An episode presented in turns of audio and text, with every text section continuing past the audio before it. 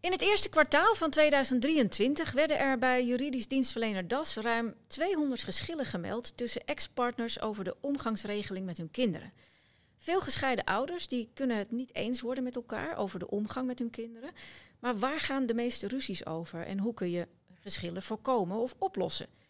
Ik ben Mireille Detrixe en ik ga daarover in gesprek met Lennart van Kesteren, advocaat familierecht en mediator bij DAS. Welkom Lennart, leuk dat je er bent. Dank je.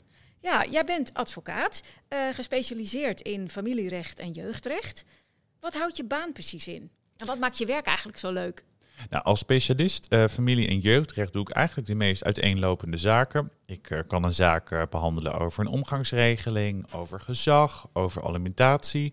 En ja, soms zien we ook wat zwaardere zaken voorbij komen, zoals bijvoorbeeld een uithuisplaatsing.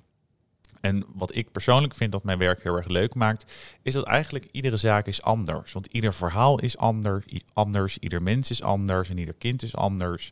En ja, wat ik doe in mijn werk is, ik help mensen echt verder. Mensen komen bij je met een probleem wat ze niet zelf opgelost krijgen. Ja. En dat is dan meestal een juridisch conflict over, dus inderdaad omgang of alimentatie. En door wat ik voor die mensen kan betekenen, uh, help ik ze verder om dat probleem opgelost te krijgen. En ja, dat, dat is een goed gevoel ook, denk ik. Zeker, ja. Als ik, een, uh, als ik een cliënt heb die aan het einde van de rit zegt... top gedaan, Lennart, ja. ja. Daar doe ik het voor. Ja, dat snap ik. Um, waar gaan dan eigenlijk die meeste geschillen over?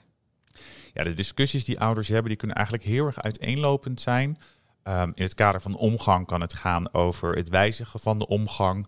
Dus om meer of een minder omgang. Maar bijvoorbeeld ook het verdelen van bijzondere dagen. Zoals de Pinksteren, die, ja, we, recent, uh, die ja. we net gehad hebben. Van joh, uh, verdelen we die dagen of doen we dan onze gewone omgangsweekenden? Hoe doe je het nou eigenlijk?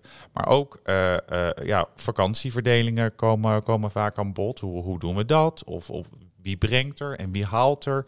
Je moet eigenlijk dat, dat zit hem ook zelfs in dagelijkse, uh, ja, ja, praktische. Je moet gewoon zaken. zoveel dingen regelen. En, en ja, soms moet je dan bepaalde afspraken ook weer wijzigen. Dus dat soort zaken komen veel voor. Ja, en, en, en heb je daar nog een concreet voorbeeld van?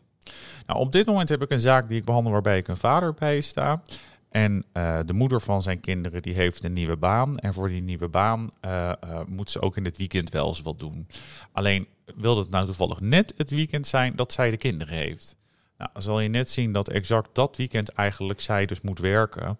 En ze heeft daarom gevraagd of uh, de weekenden kunnen worden omgeruild. Dus Ja. dat het weekend wat vader nu eigenlijk de kinderen heeft, dat zij de kinderen dan heeft en andersom.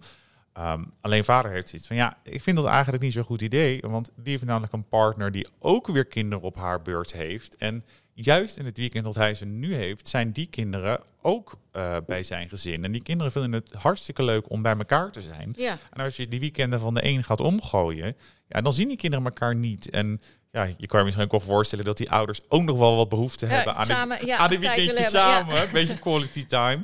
Dus ja, vader wilde dat niet. En ze kwamen er niet uit. Het, kwam, het zou voorkomen bij de rechtbank volgende week. Um, omdat de rechter een beslissing zou moeten nemen. Maar uiteindelijk heeft moeder toch aangegeven van nou, ik zie inmiddels wel. En ik hoor ook terug van onze kinderen dat zij deze regeling toch het fijnst vinden. Dus ik trek mijn verzoek terug. Nou, wat En- goed dat, uh, dat de moeder dan ook uh, toch alsnog uh, voor het belang van die kinderen heeft, heeft gekozen ook. Ja, ik, ik, denk dat het daarbij wel heeft geholpen dat ik heel duidelijk uiteen heb geprobeerd te zetten in ons schriftelijke stuk aan de rechtbank waarom vader dit vindt. En, en ja. Um, we proberen ook een redelijk klare taal te schrijven, zodat de mensen het zelf, de, de cliënten het zeg maar zelf ook begrijpen. Ja. Um, en ik, ik denk wel dat dat ook geholpen zal hebben. Ja, en misschien dat, uh, dat een, naar een buitenstaander ook dan weer eventjes uh, ja, misschien beter geluisterd wordt. Dat kan, ja. Omdat daar zitten geen emoties ja. bij natuurlijk. Um, nou ja, uit dit voorbeeld wat je geeft blijkt dat een nieuwe baan uh, bijvoorbeeld aanleiding kan zijn om, om die omgangsregeling te willen wijzigen. Um, op welke momenten zie je dat nog vaker of, of doen zich vaak problemen voor tussen ouders? Ja, wat wij vaak zien bij DAS, uh, wij, wij, staan bij DAS met name ouders bij die al uit elkaar zijn. En dat er dan toch iets in het leven verandert, waardoor uh, uh, de omgang moet worden aangepast. En dat, ja. dat kan eigenlijk van alles zijn. Dat kan gelegen zijn in het feit dat die kindjes wat ouder zijn, daardoor de behoefte verandert, dat er nieuwe partners in het spel komen. Um, dat je bijvoorbeeld met je nieuwe partner ook weer een kind maakt, waardoor je met meerdere kinderen rekening moet houden. Um, we zien bijvoorbeeld vaak dat wordt aanbevolen in de literatuur om voor kinderen ouder dan 12 jaar bijvoorbeeld de vakanties wat langer te verdelen. Dus door te zeggen, nou de eerste drie weken bij de een en de laatste drie weken bij de ander. Terwijl je voor wat jongere kinderen toch vaak zegt, ja, die kunnen niet zo lang zonder, de andere ouders. Ja, dus dat daarvoor wat kortere uh, uh, periodes beter zijn. Dus bijvoorbeeld twee weken bij de een, dan een week bij de ander en dan weer twee en één. Ja.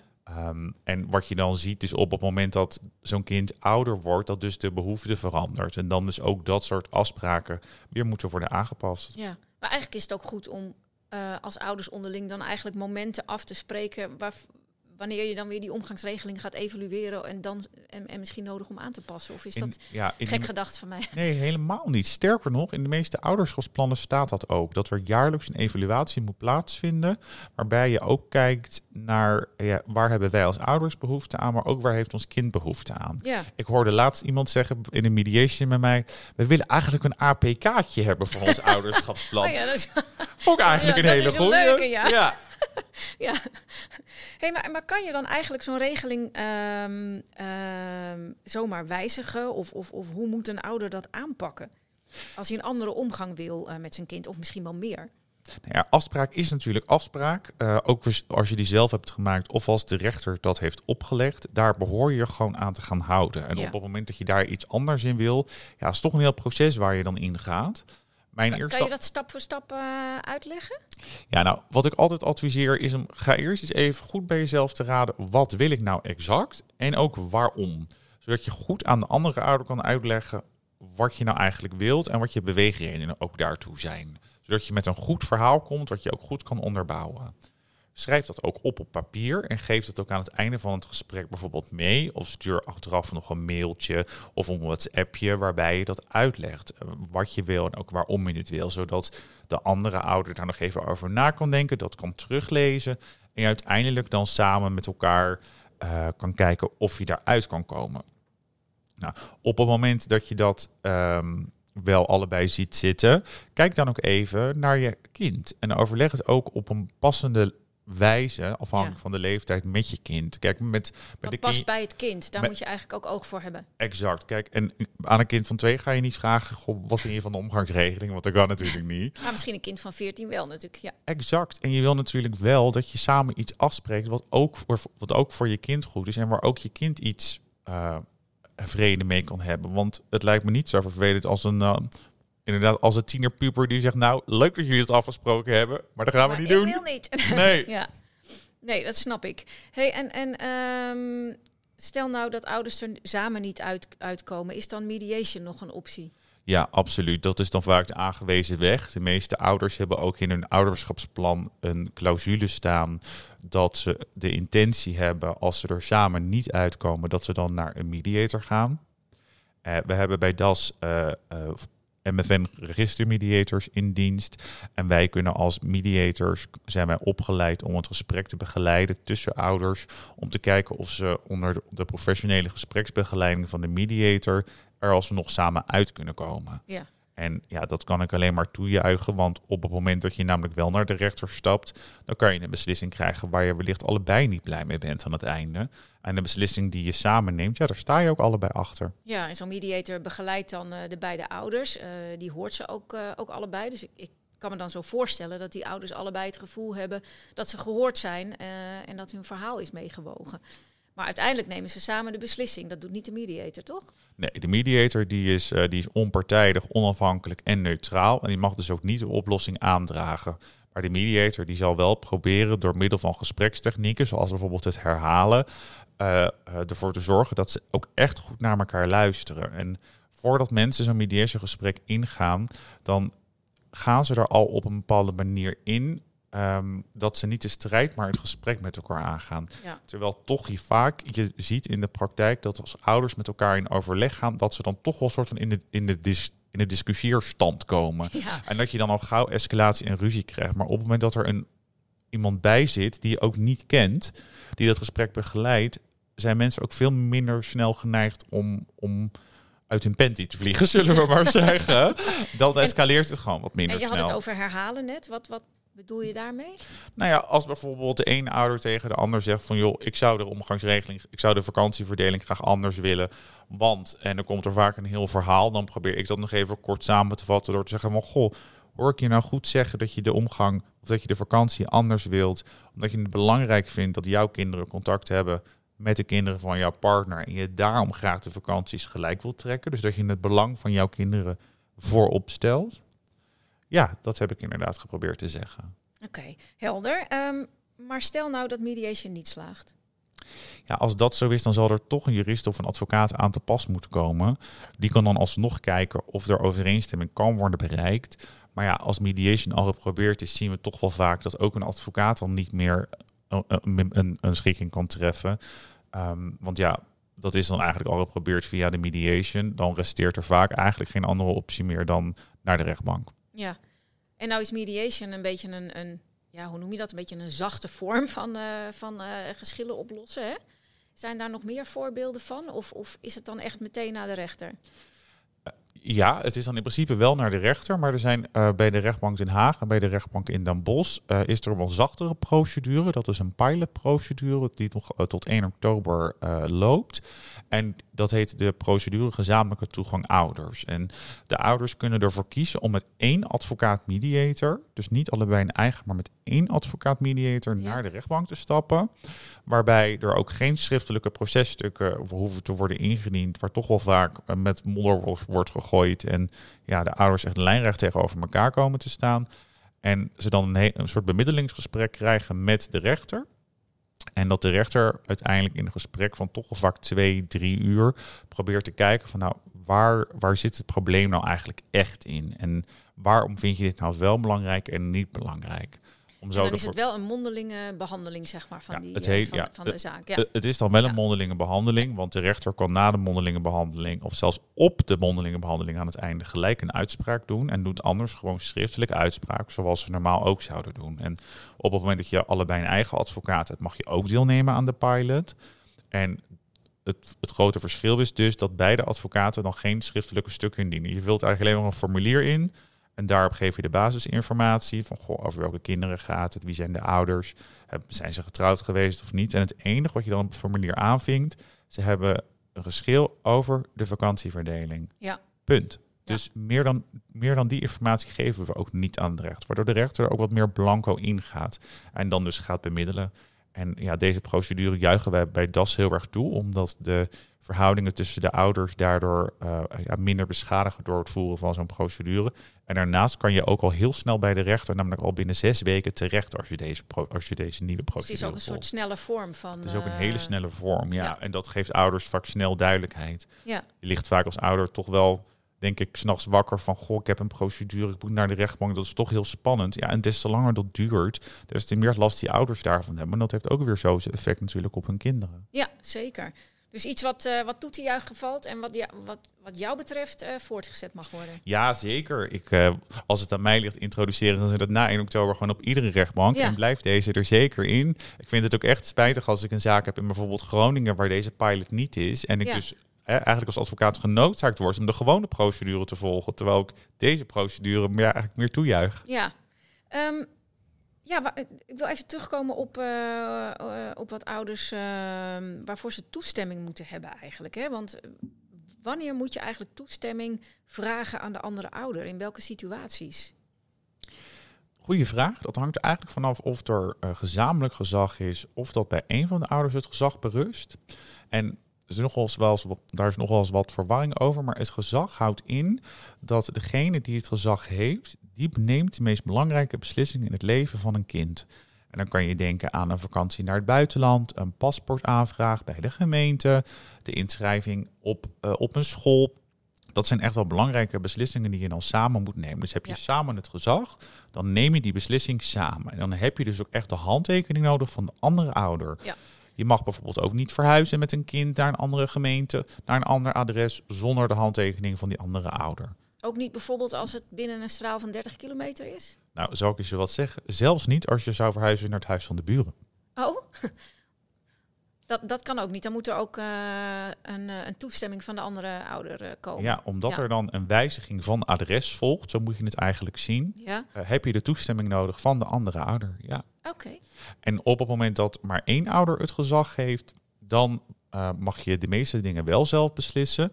Maar je hebt als ouder met het gezag ook alleen wel de verplichting om ook contact met de andere ouder en het kind te bevorderen. En daar moet je je dus ook voor inzetten als ouder.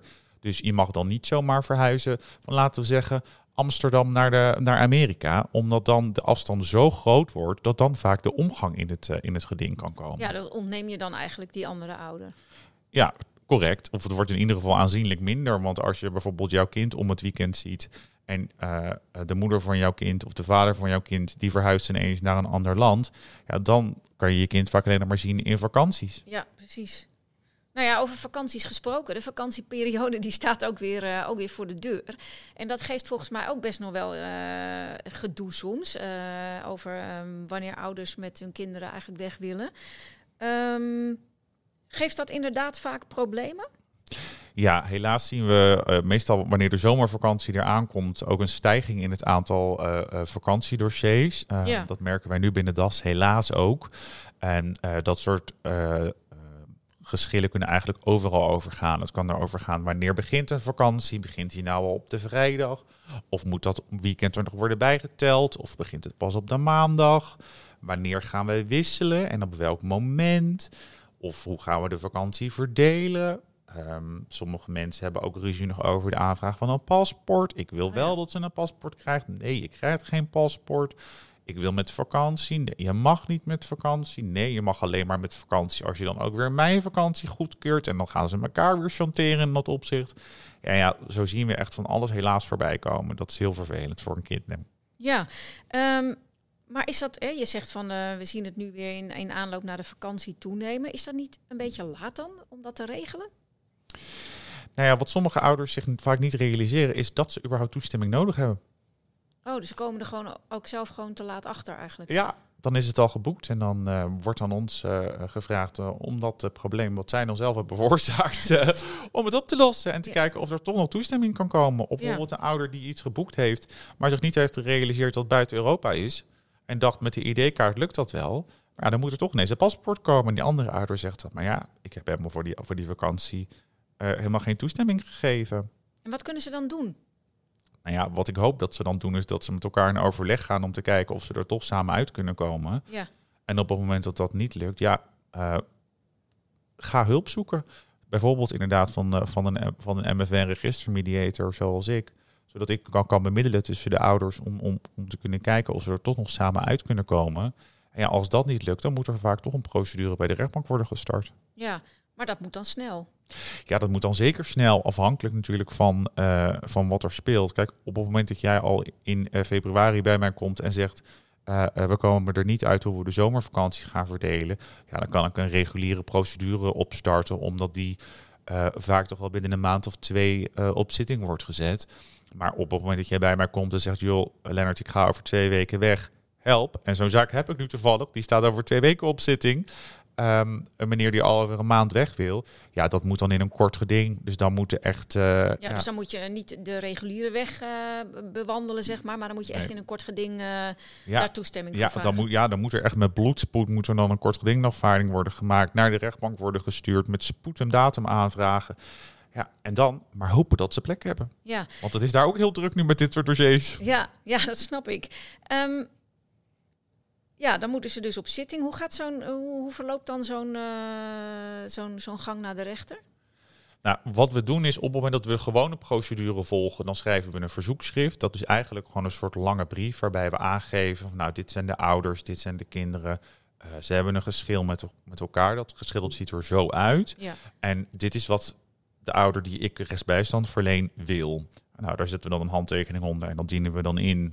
En de rechtbank die bepaalt dan een, een datum dat je mag komen op zitting. En bij een kort geding is dat dan met een dagvaarding. Is eigenlijk het, dezelfde informatie zetten we daarin, maar dat gaat dan wat sneller.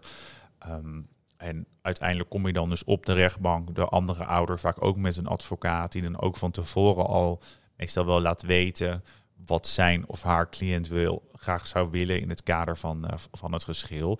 Zodat de rechter dan ook precies weet, oké, dit wil de een, dit wil de ander. Die gaat dan vaak op de zitting nog bemiddelen om te kijken van, joh, gaat er nog wat van komen? En ja, dan een rechter kan natuurlijk wel iets meer sturen ook hè, dan een mediator. Omdat een rechter niet onpartijdig hoeft te nee, zijn. Een mediator moet of onafhankelijk. Ja. De rechter mag een mening hebben over een zaak. En die zal die ook echt niet onder stoelen of banken steken. Ja. Het, het, het is mij regelmatig voorgekomen dat een rechter zegt... Nou mevrouw, ik heb gelezen waar, waarom, u, waarom u die toestemming niet wil geven.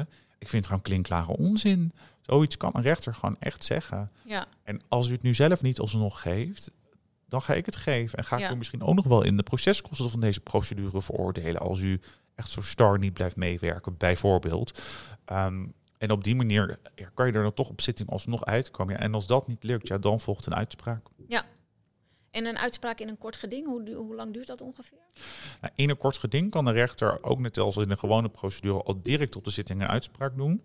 Ik heb één keer een vakantiegeschil gehad waarbij iemand drie dagen later op vakantie moest. Oké.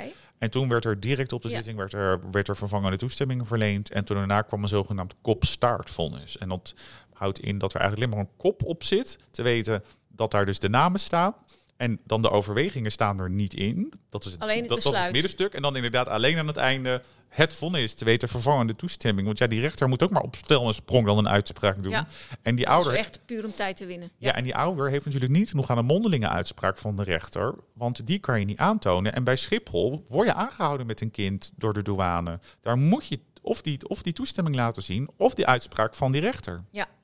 Oké, helder. Dus ehm, ja, een tip hierin aan ouders eh, zou kunnen zijn, ehm, als in bijvoorbeeld eh, de schoolvakanties bekend zijn, om dan alvast het een en ander vast te leggen?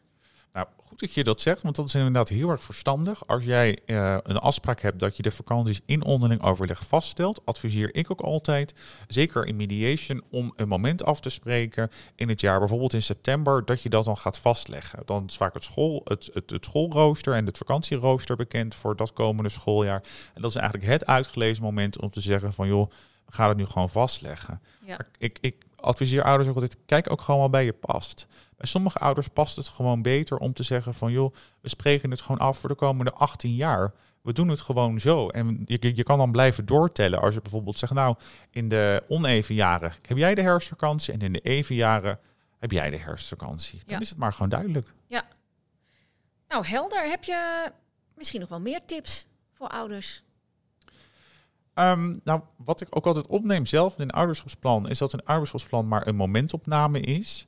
Eh, je maakt op dat moment afspraken over je kind waarvan je op dat moment denkt, we denken dat dat goed is. En het gebeurt soms zelfs in de praktijk dat je dan uitvoering gaat geven aan die afspraken. Bijvoorbeeld aan het verdelen van de omgang. Maar dat je dan in de praktijk ziet van, joh, dit werkt eigenlijk helemaal niet. Nee. We hebben veel te veel wissels. Ons kind heeft er last van om de hele tijd met een koffer heen en weer te gaan.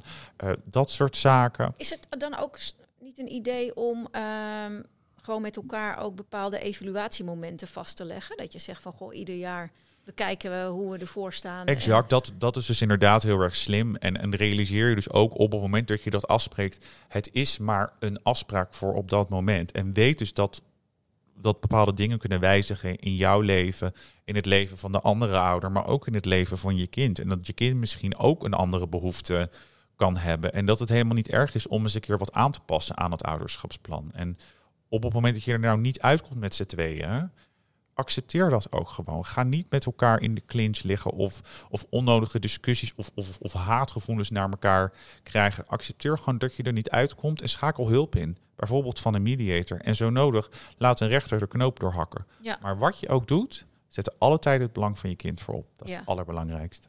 Dat vind ik een hele mooie om mee af te sluiten, Lennart. Ehm, ik wil je danken voor delen van je ervaringen en, eh, en je goede tips. Ehm, op das.nl is eh, verder nog informatie te vinden over omgangsregelingen. Daar kun je even kijken bij het thema eh, familie en relatie. Daar vind je over scheidingen en ook over omgangsregelingen informatie. Ehm, en dan wil ik u ook danken voor het luisteren en tot een volgende keer. Wil je meer weten of direct juridische hulp nodig? Kijk voor meer informatie op das.nl.